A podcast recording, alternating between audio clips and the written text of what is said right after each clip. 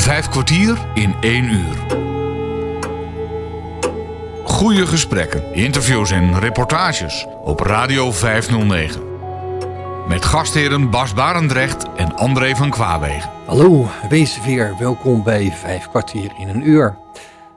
Veel mensen dromen ervan om verre reizen te maken, waarbij bijvoorbeeld de treinreis met de Trans-Siberian Express, een reis van Moskou naar Peking, erg tot de verbeelding spreekt. In 2013 besloot Klaas Jut uit Brielen deze droom te volgen. A journey through breathtaking landscapes.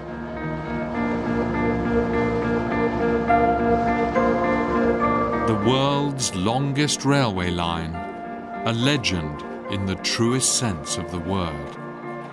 But for most people, a trip on the Trans Siberian Railway means something far more.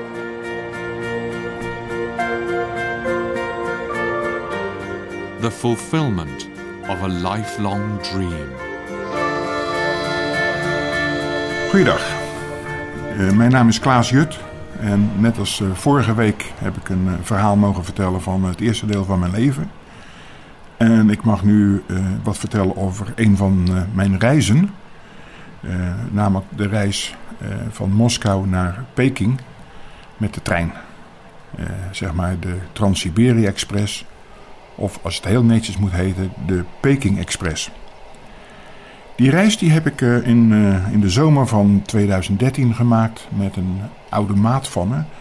Een, eh, een schoolvriend die, uit de tweede klas van het middelbaar onderwijs. Al die jaren hebben we contact met elkaar gehad. Eh, eens in het half jaar, eens in het kwartaal zagen we elkaar. Soms was het eh, op het niveau van kerstkaarten, want dan werkte die in Sint Maarten. Maar we hebben altijd wel eh, elkaar op de hoogte gehouden. En op enig moment kwam het gesprek van, joh, zouden wij samen geen reis kunnen maken?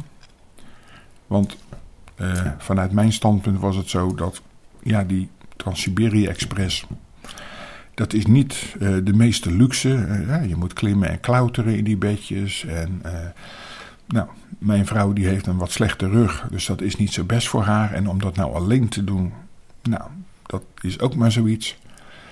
Hij was, eh, of hij is eh, alleenstaand.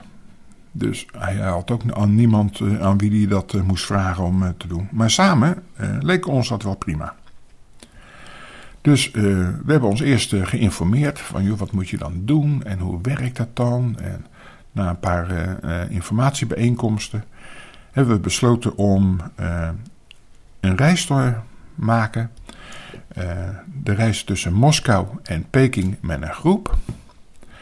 Maar daar vooraf vijf dagen in Moskou en omgeving eraan te koppelen. En in Peking vijf dagen op het eind.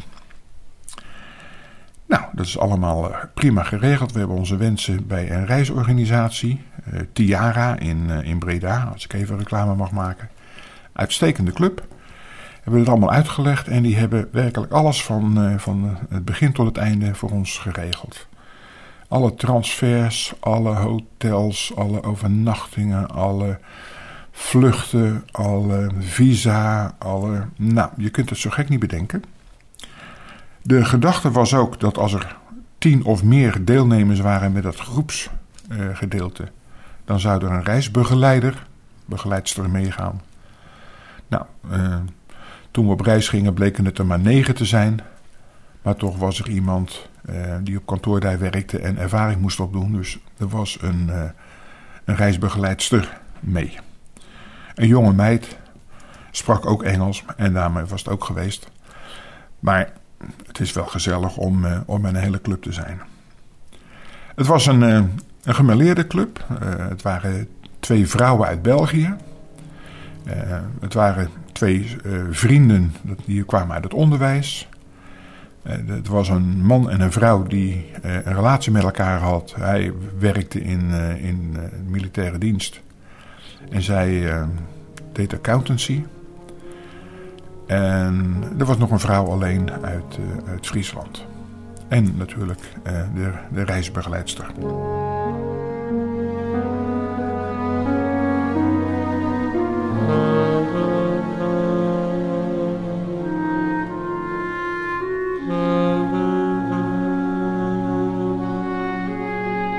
Música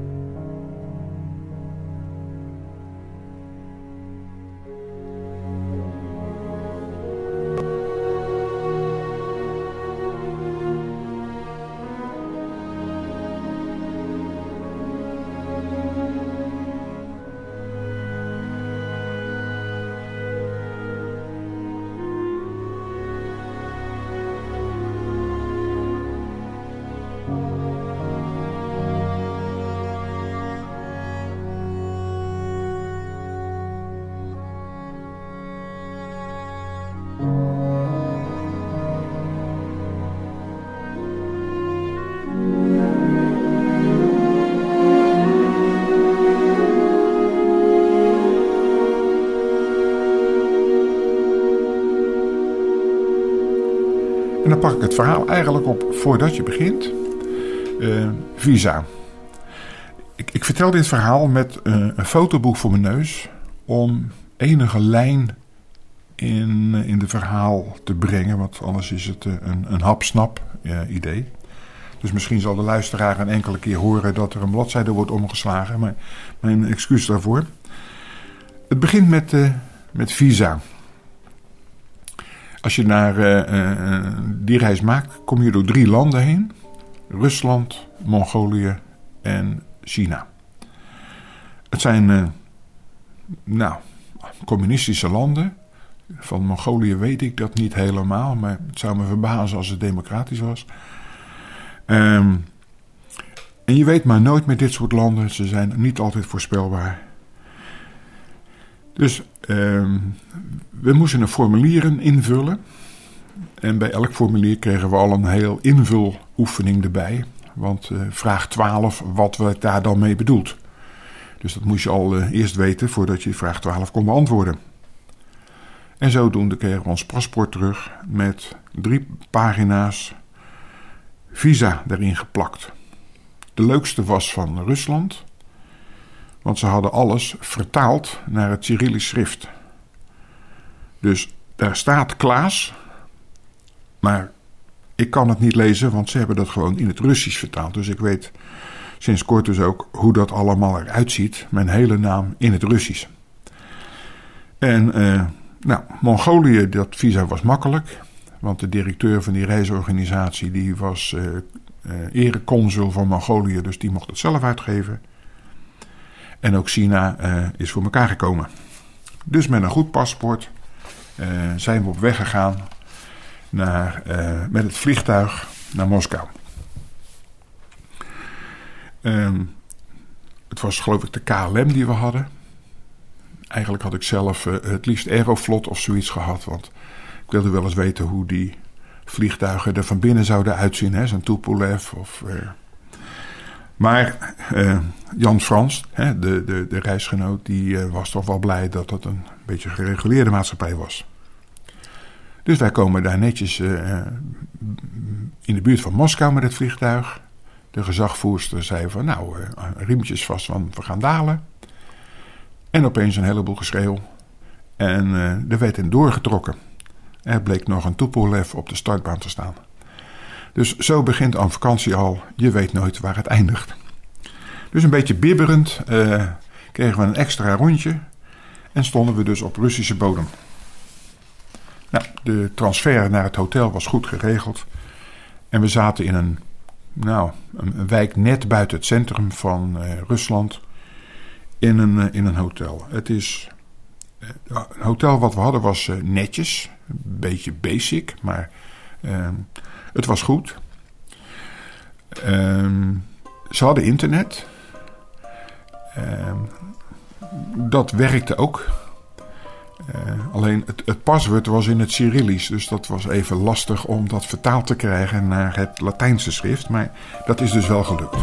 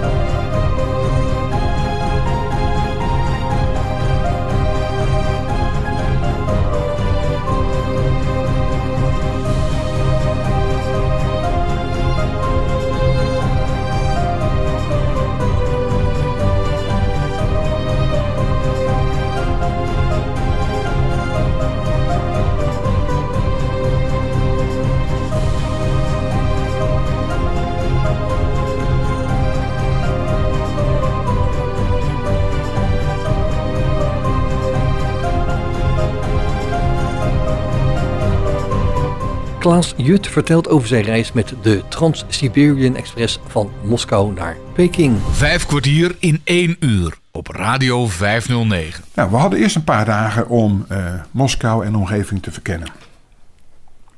Dus de eerste dag was naar het Kremlin. Uh, het Kremlin, dat is Russisch voor fort. Dus er zijn heel veel forten in Rusland, dus heel veel Kremlins. Maar het Kremlin in, uh, in Moskou, dat is een ommuurde ruimte, een heel groot plein. En er staan wel uh, vier, vijf kathedralen op. En dat is echt indrukwekkend. Um, kaartje, dat kochten we.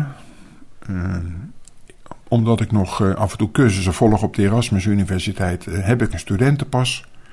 En daar kun je behoorlijke kortingen mee krijgen in, in Rusland. Dus wij met met de metro naar, naar Kremlin en wij naar binnen. Nou, elk, elke kathedraal, daar zit dan een moedertje die registreert dat jij een kaartje hebt. Welk kaartje, een nummertje. Echt, mensen worden daar volop bezig gehouden met in mijn ogen onnutte dingen.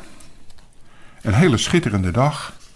Ik kan het iedereen aanraden om uh, alle kathedralen daar die in het Kremlin zitten, om die te bekijken. Nou, naast het Kremlin ligt het, het Rode Plein. Inderdaad, je ziet allerlei strepen waar je vroeger optochten en zo had.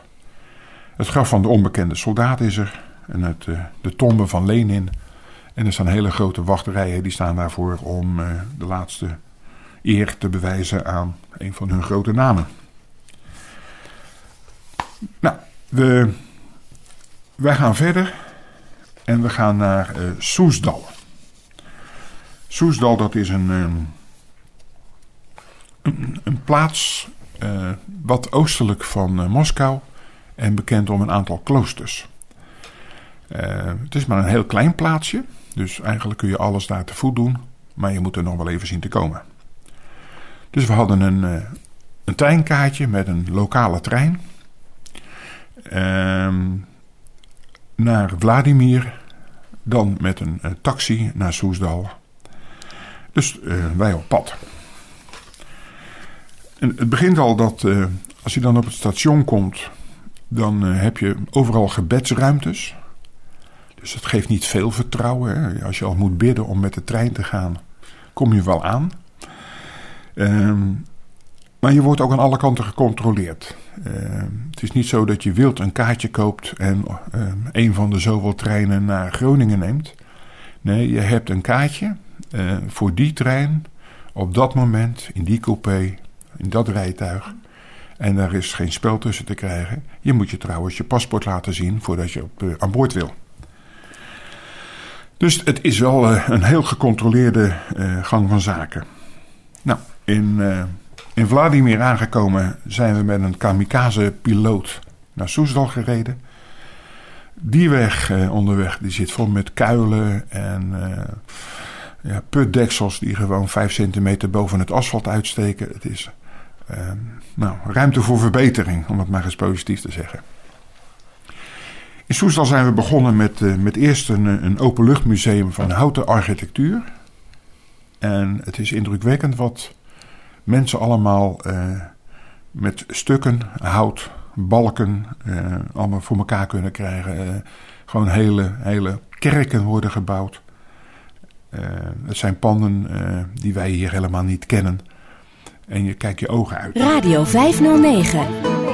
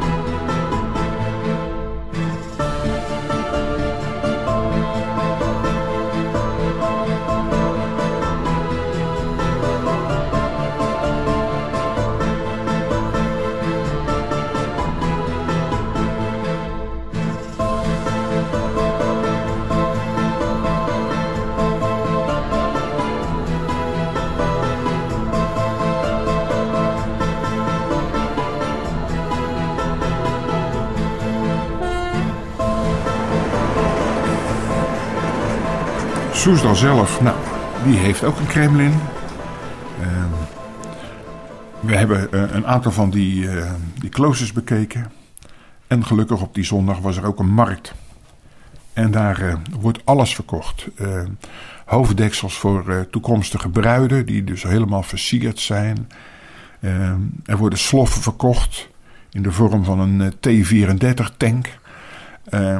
Allerlei kitsch. Mensen die met, met spulletjes, die gooien ze in de kinderwagen en zo staan ze op de markt. Um, warm watertoestelletjes en dan kun je thee eh, kopen. Ehm, allerlei soorten jams en, uh, en, en, worstenbroodjes. En omdat er nogal wat toeristen zijn vanwege die kloosters, ook heel veel paard- en wagentjes van die karretjes. Vele in de vorm van een soort assenpoesterrijtuig. Het is je Rijnse kiets. Maar het is wel een, een bijzondere belevenis. Netjes wij weer, uh, weer terug naar Moskou toe, want we zouden ons bij een uh, groep gaan voegen. En onderweg begint het eerste probleem al: de zool van mijn sportschoenen laten los. Daar zit je niet op te wachten, maar we moesten nieuwe schoenen gaan kopen. Nou, um, in een lokale winkel met veel onderhandelen nieuwe schoenen gekocht. Gaan we ergens plaatselijk wat eten. Maar ja, er is niet veel wat op het menu staat. En het, uh, de taal zijn wij niet machtig.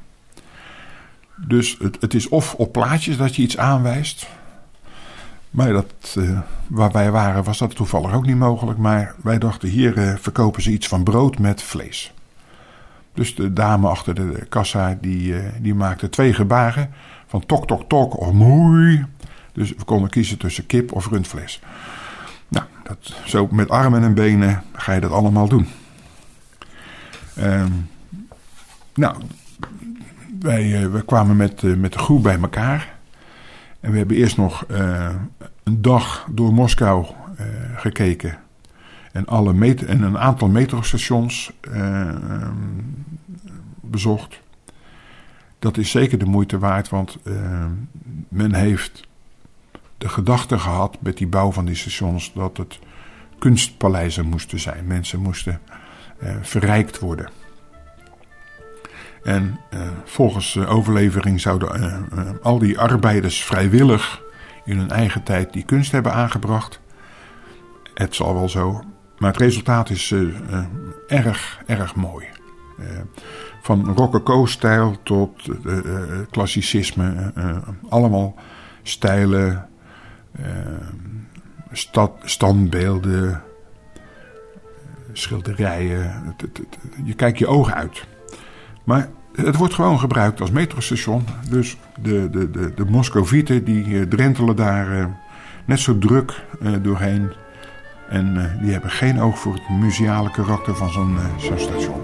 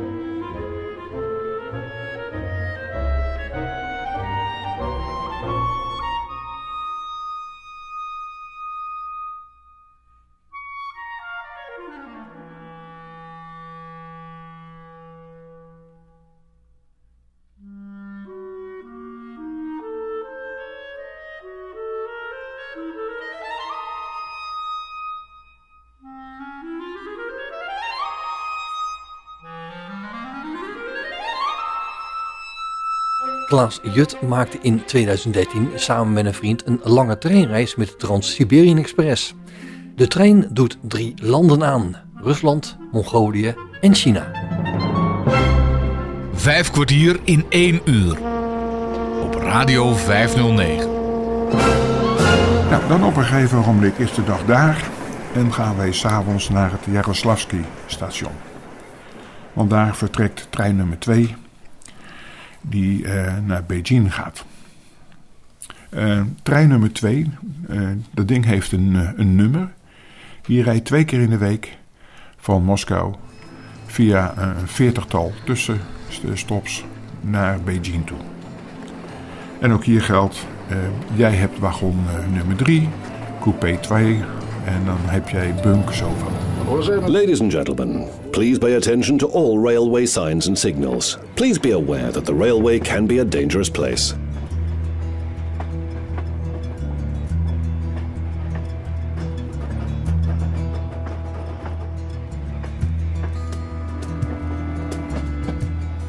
Departure from the Russian capital.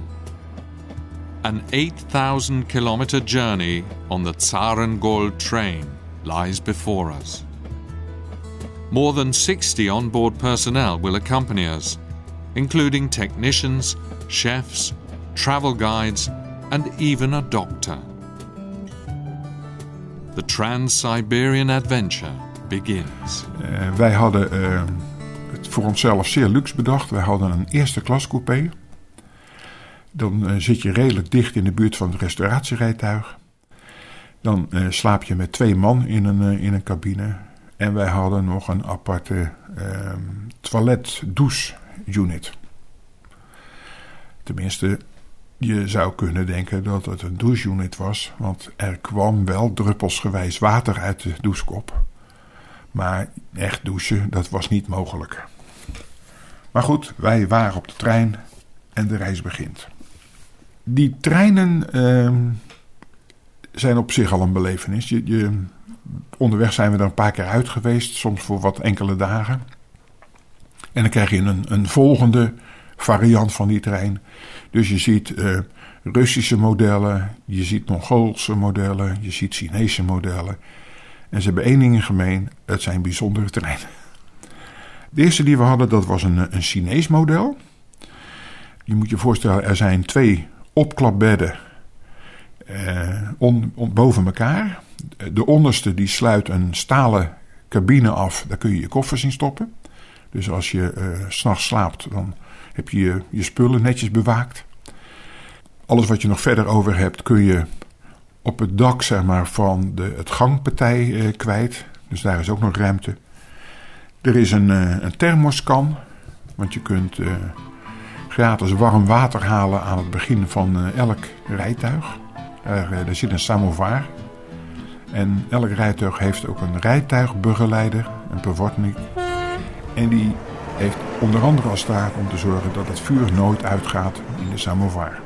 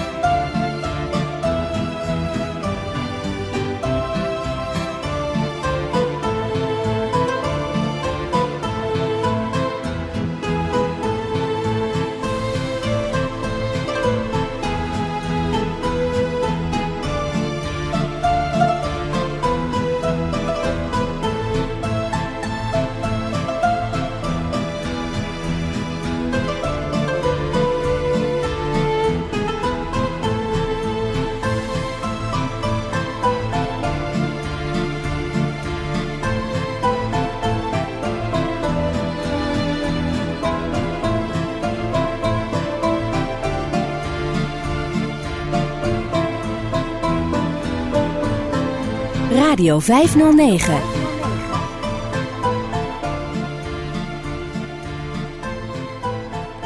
En daar is water. Nou, ik denk dat het 90 graden is.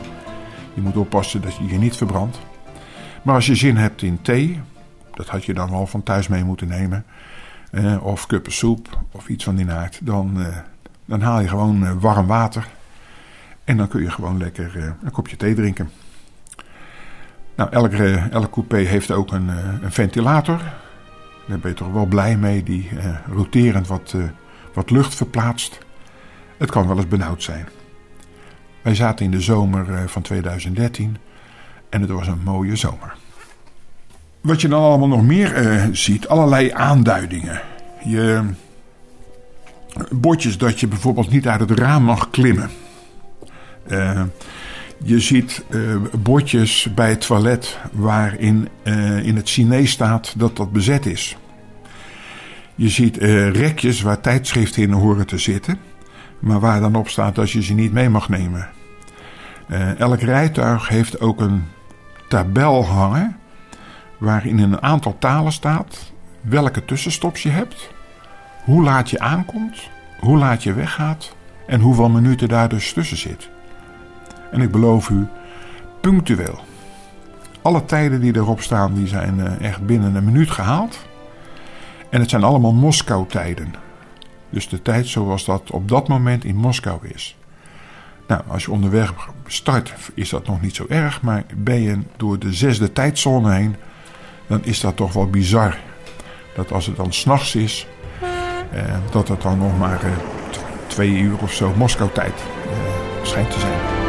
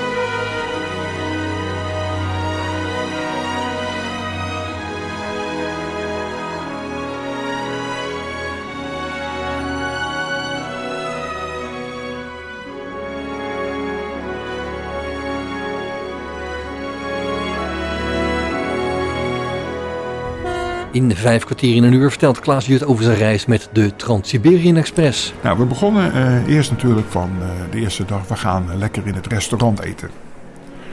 Dus wij gaan daar zitten. En nou, het is een Chinees restaurant.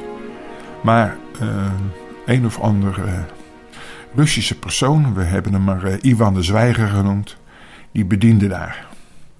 Vriendelijk werd er een menukaart op het tafeltje gegooid. En dat zag er best wel goed uit. Eh, keus volop. We zouden ons vermaken. Dus wij eh, vroegen, eh, nou,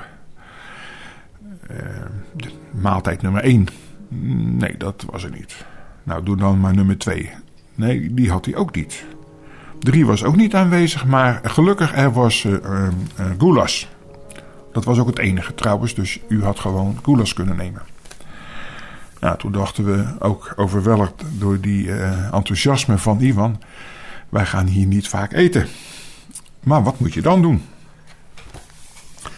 Want uh, ja, je rijdt langs uh, eindeloze Essen-dorpen. en af en toe dan, dan kom je wel eens op een station. en daar was dan de redding. Op alle stations lopen moedertjes met, met handelswaar. broodjes, nou, gevuld met iets lekkers.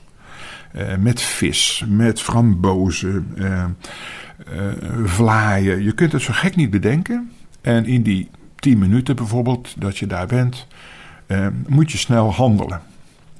Dus wij hadden al heel vaak, Jan Frans en ik, van nou, als jij nu voor het brood gaat zorgen, dan ga, jij, ga ik voor het toetje. Want ja, heel die trein die stormt leeg en slaat aan het handelen. Niemand spreekt de taal, maar met rekenmachientjes worden gewoon de prijzen aangetoetst. En meer dan redelijk.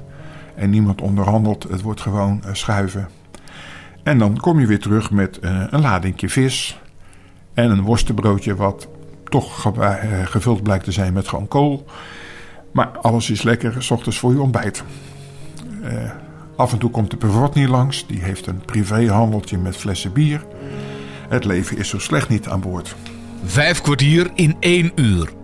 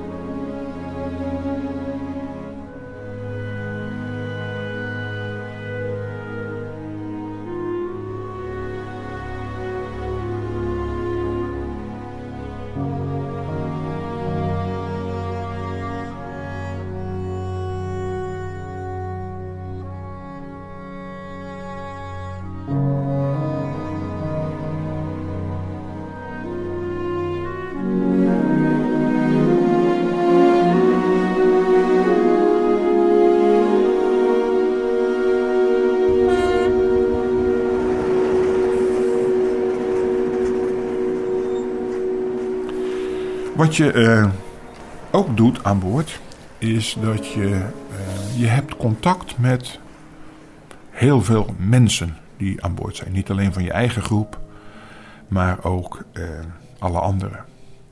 Trein nummer 2 wordt alleen maar bemenst door toeristen. Er is geen ene Rus die, als hij naar Moskou, van Moskou naar Beijing moet, de trein pakt. Hij pakt gewoon normaal gewoken het vliegtuig. Dus ook de normale snelle weg. Maar toeristen willen die ontbering hebben. Dus je spreekt met Zwitsers, met Belgen, met Scandinaviërs. Eh, maar vooral heel veel Nederlanders. Ik denk dat de helft wel Nederlander was. Die in een groepsverband of alleen de reis deden. Wij Nederlanders zijn een echt een zeer reislustig volkje. En dan natuurlijk alle mensen die je onderweg ontmoet. De Prvotny, in allerlei soorten en maten. Soms mannen, maar meestal vrouwen, die eh, zeer kordaat uh, alles bewaken wat er uh, in rondgaan. De, de, de samovars bedienen. Die gaan allemaal nog op steenkool, kleine steenkooltjes. Dus niks elektrisch. Um, soms zijn er perrons waar andere dames lopen waarvan je denkt van nou, ik zou wat meer aantrekken als ik u was. Maar wat je dan in die 10 minuten moet doen, ik blijf een gok. Uh, wat ik geleerd heb in die trein is het vouwen van ballonnetjes uh, en dan dieren. Een van de reisgenoten die had uh, een aantal van die ballonnen meegenomen onder het motto van... nou, we komen nog wel eens kinderen tegen misschien... en dan geven we dat zo'n opgevouwen uh, hondje of zo. Dus een aantal dieren hebben we maar geoefend... en hebben we hier rond, hier en daar in de trein opgehangen... En nou, heel veel mensen vonden het leuk, plaatsten bestellingen. Alleen de Prvotny die wisten niet wat ze er nou mee aan moesten. Het kon geen kwaad, maar het was wel bizar. Uh, heel veel mensen die uh, hebben een eigen route bedacht. Wat ik al zei, er zijn een, veertigtal tussenstations. En het kan best zijn dat je in, in Perm uitstapt.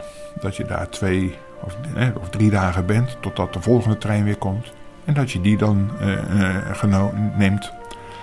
En dat je dan in Sint-Catharinaburg weer uitstapt. En dat je dan weer mensen tegenkomt die een week daar zijn. Dus je, je springt als ware soms over elkaar heen. Maar heel vaak ontmoet je dezelfde personen. Die allemaal in diezelfde maand min of meer dezelfde reis maken.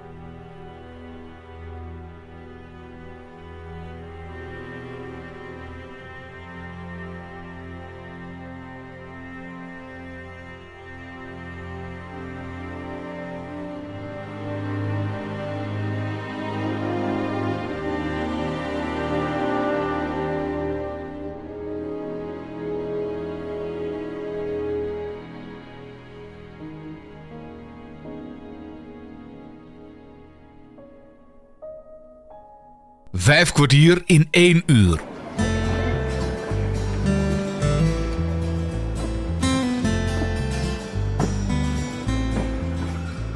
We push on through the endless forests of the taiga in central Siberia. The heart beats in time with the clickety clack of the train tracks as the stress and hectic of everyday life slowly fades away.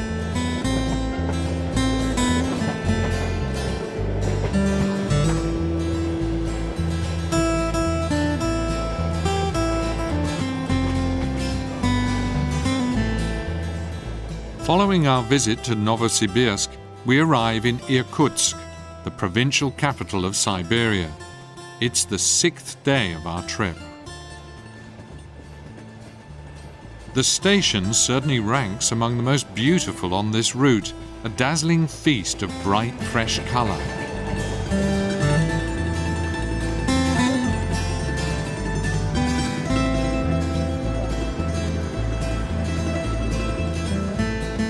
The Tsarangold's guests spend a night in a hotel on the banks of the mighty Angara River.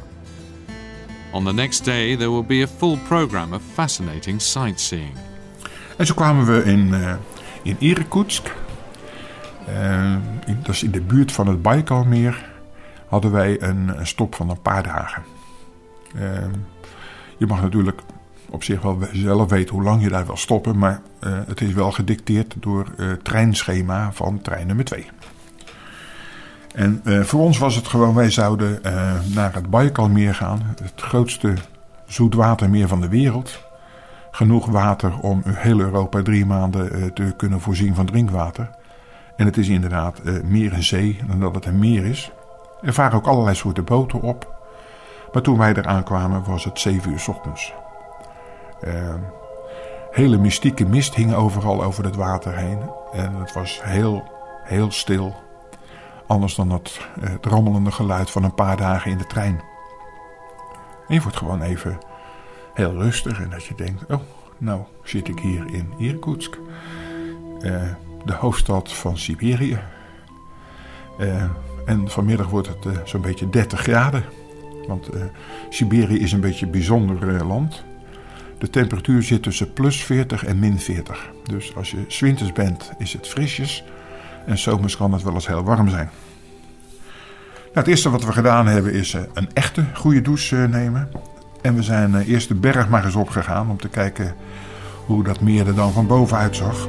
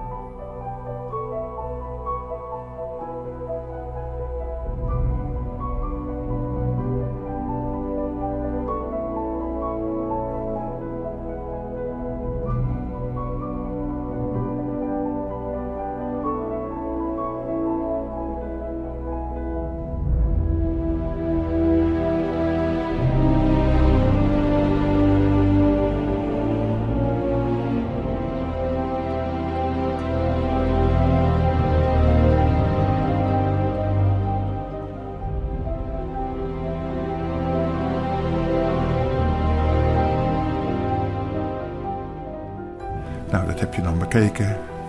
Dan ga je smiddags uh, ga je naar uh, Listvianka. Dat is uh, Russisch voor Scheveningen.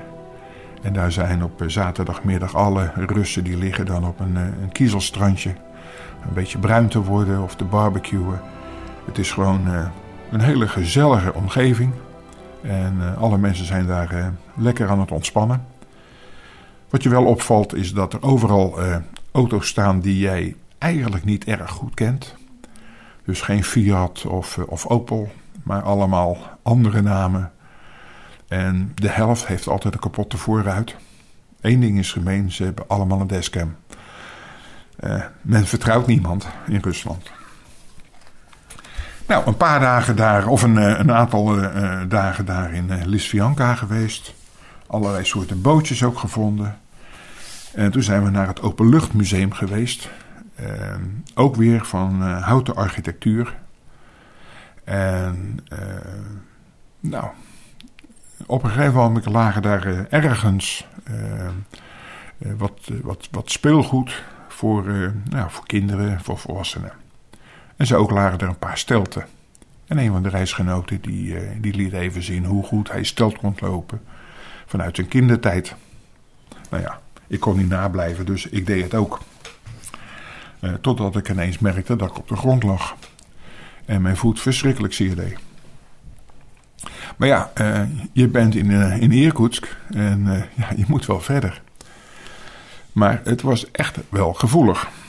Dus wij s s'avonds laat door, de, door Irkutsk heen op zoek naar een, ja, een apotheek of zo. Dus in het beste gebarentaal uh, vroeg ik aan die dames die achter de, uh, de counter stonden: van ja, dat een zere voet en zo. Nou, ik kreeg een, smeerseltje, een soort middelgan. En dat, dat zou dan de truc maar moeten doen. Nou ja, je hebt niet veel beters, dus een beetje hinkend gaan we verder.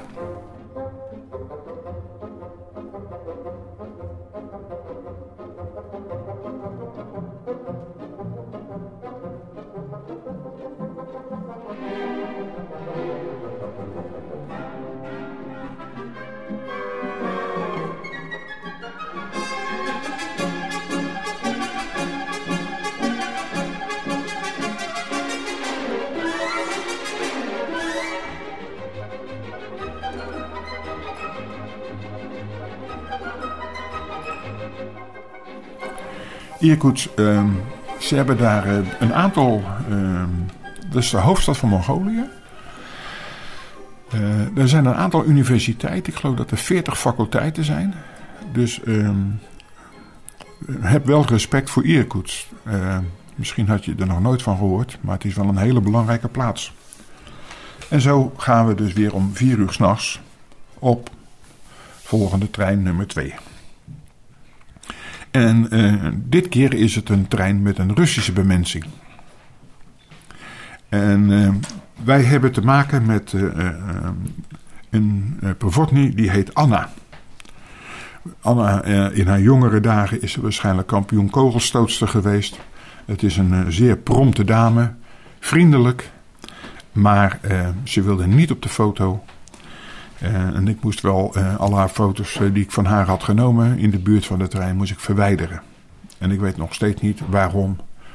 Ze staat er niet verkeerd op, want ik ben wel vergeten er één te verwijderen. Dus ik weet hoe ze eruit ziet, maar ehm, mensen zijn in Rusland, zover als mijn ervaring is, nog steeds bang om vastgelegd te worden. Dat... Het restauratierijtuig zag er netjes uit. Ehm, het eten was ook beschaafd. En uh, wij gaan verder langs uh, allerlei uh, ja, lege velden richting Mongolië. Mongolië, daar, daar denkt u misschien aan als steppen. Hele eindeloze vlaktes. soms zie je een klein dorp. En er zijn hele bijzondere dorpen, want men bouwt een aantal huizen. En daarna zet men gertenten in de achtertuin. Want het is een nomadenvolk. En je blijft in een gertent wonen. Dus je, ziet heel veel dorpen die uh, nou, voor de helft gewoon uh, uit textiel bestaan.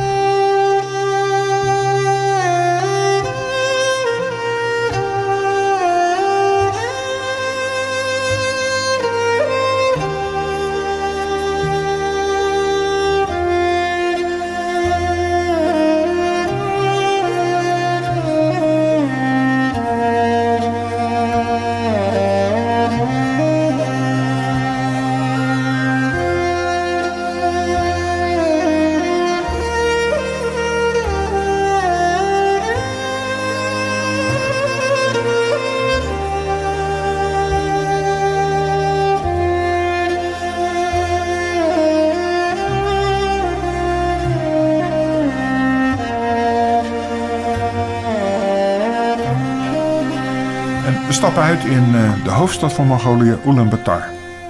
Daar gaan we uh, uh, natuurlijk de plaatselijke tempel bezoeken. En een fabriek waar ze gertenten maken. Heel ambachtelijk.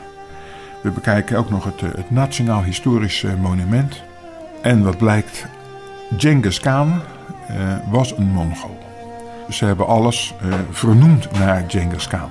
Niet alleen de Genghis Khan plein, maar de vodka heet Genghis Khan en ik denk dat de stoeptegel ook Genghis Khan heet. Dit was het eerste deel van de reis die Klaas Jut van Rusland naar China maakte met de Trans-Siberian Express. De volgende keer het traject Mongolië-China. Ik bedank je mede namens Bas Barendrecht voor het luisteren. En heb je nog vragen of opmerkingen of wil je zelf eens aan het woord komen, dan kan je een mailtje sturen naar bas.radio509.nl. Dit programma is overigens ook te beluisteren via de podcast van Radio 509. Geniet van de rest van deze dag, blijf luisteren naar Radio 509 en tot een volgende keer. Vijf kwartier in één uur is een programma van Bas Barendrecht. Techniek André van Kwaabegen.